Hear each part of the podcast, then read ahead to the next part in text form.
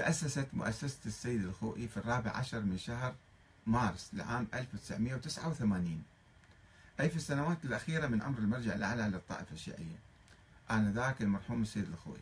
وبرؤوس أموال ضخمة من الحقوق الشرعية. بنعرف كم بالتفصيل. الأمين العام لها منذ بداية التأسيس والمدرج اسمه ضمن النظام الداخلي هو نجد السيد الخوئي. آه، اللي كان المرحوم السيد محمد تقي الخوئي. بعدين صار السيد عبد المجيد هو هذا.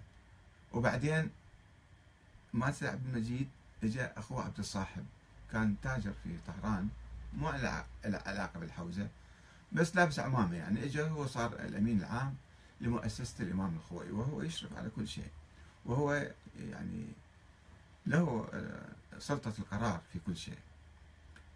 تنص المادة الخامسة من النظام الداخلي للمؤسسة على أنها تعمل تحت إشراف المرجع الأعلى للطائفة الشيعية السيد الخوئي كان ومن بعده.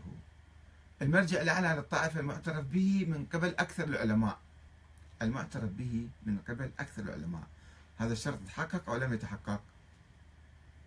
كيف يتحقق؟ من يقرر في أنه تحقق أو ما تحقق؟ بشهادة ما لا يقل عن ثلاثة أرباع أعضاء الهيئة المركزية للمؤسسة.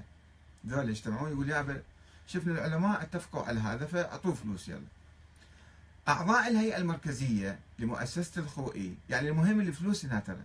أهم شيء يعني شنو دور المؤسسة؟ أن تعطي الفلوس اللي عندها تخليها تحت يد المرجع المقترح أو القادم. فهي تنتخبه بالفلوس يعني يصير. وبالإعلام بعدين. أعضاء الهيئة المركزية لمؤسسة الخوئي في ذلك الوقت بعضهم من طلاب الحوزة بمستويات متفاوتة وعادية جدا وبعضهم الآخر ليس بطلاب علم وإنما تجار في الكويت مثلا أو في طهران أو في شيء. ولهم اهتمامات دينية ناس مؤمنين متقين فعلا. وهم بمجموعهم الأمين العام محمد تقي الخوئي ونائبه هو السيد مجيد الخوئي والسيد فاضل الميلاني ومحمد علي الشهرستاني توفى هذا.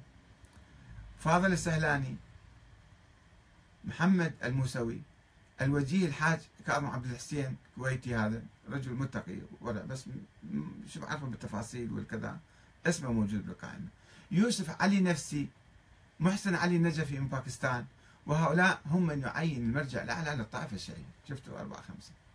سقيفة بني ساعدة ذول يجلسون يقولون ها هذا المرجع هو اللي لازم نأيده ونعطيه الفلوس. وبالوقت الحساس بس تجي الفلوس يقفز الواحد. حتى انتخابات الأمريكا الانتخابات الأمريكية يا اللي يبذل فلوس أكثر هو يصير رئيس بالانتخابات. و